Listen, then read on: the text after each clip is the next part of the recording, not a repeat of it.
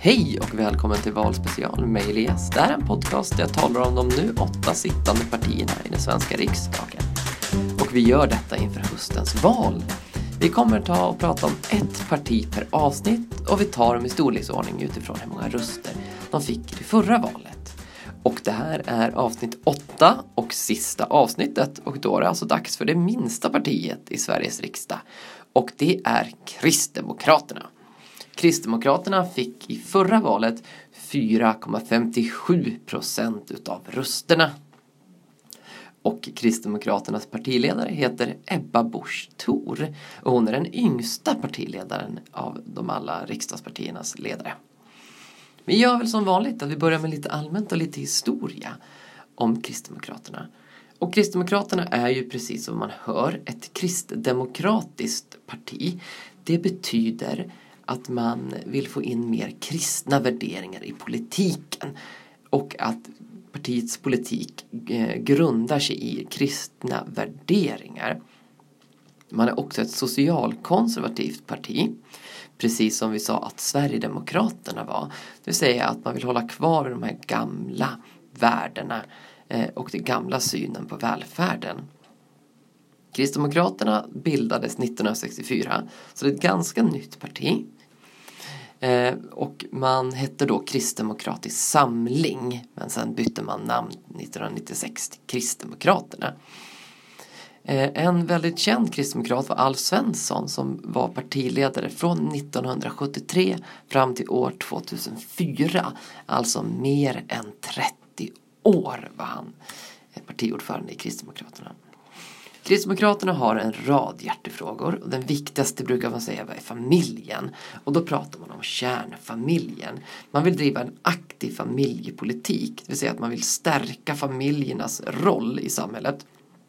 Man tycker att alla andra partier håller på att liksom avveckla partierna, eh, familjernas eh, roll och deras viktighet. Och så här säger man tvärtom, man vill stärka familjens eh, roll och viktighet i samhället. Man vill exempelvis ge familjerna själva möjligheten att dela upp sin mamma och pappaledighet. Alltså vill man ta bort den ledighet som är lagstadgad att pappan måste ta ut. Och man tror verkligen på kärnfamiljen. Man tror på mamma, pappa och barn.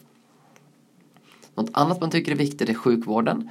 Och man driver frågan hårt om att sjukvården ska bli bättre, den ska utvecklas mer, det ska vara kortare köer. Och att man är som mest utsatt, det är då man ska få som mest hjälp. Eh, och man vill gärna att staten ska ta över styrningen utav sjukvården. Och så driver man frågor om äldre och äldres eh, roll i samhället. Man vill att äldrevården ska förbättras. Och man tycker att det är väldigt viktigt att de äldre som har varit med och byggt samhället Eh, får den vård och den trygghet man behöver. Den pratar man mycket om integrationen och hur viktigt det är att människor kommer in i jobb och att man lär sig de svenska värderingarna. Och allt det här vill man helst ska vila på kristen grund. Vad tycker då partiet om skolan egentligen? Jo, man vill uppvärdera lärarna. Man vill ge mer pengar till de lärare som jobbar i utsatta områden och man vill ge lärarna mer befogenheter. Man vill stärka elevhälsan eh, och se till att fler elever som mår dåligt kan få hjälp. Eh, man vill ha ett aktivt och fritt skolval för alla. Det vill säga man vill ha kvar friskolor och man vill också att skolorna ska kunna få göra vinst. Man har också sagt att man vill införa en litteraturlista på vissa böcker, alltså svenska klassikerböcker som alla elever i svensk skola måste lära, lära sig och läsa. Och man vill ha fler speciallärare, man vill ha speciallärarlyft där fler ges möjlighet att utbilda sig till speciallärare. Det finns en hel del kända kristdemokrater. Jag nämnde en i början. Alf Svensson är den partiledare som har varit absolut längst, varit partiledare absolut längst inom Kristdemokraterna. Eh, sen hade man Göran Hägglund som ingick i regeringen eh, under Reinfeldt som var moderat. Och sen har man Lars Adaktusson som är en väldigt känd eh, journalist och som också är kristdemokratisk politiker. Och så har man faktiskt en som heter Stefan Attefall. Och eh, då har säkert många av er hört talas om Attefallshusen och de är faktiskt, eh, eh vet ni, en, deras namn kommer från Stefan Attefall för det var han som kom på den idén eller som drev igenom det förslaget. Kristdemokraternas partisymbol är en kvadrat som det står KD i och sen är det understruket.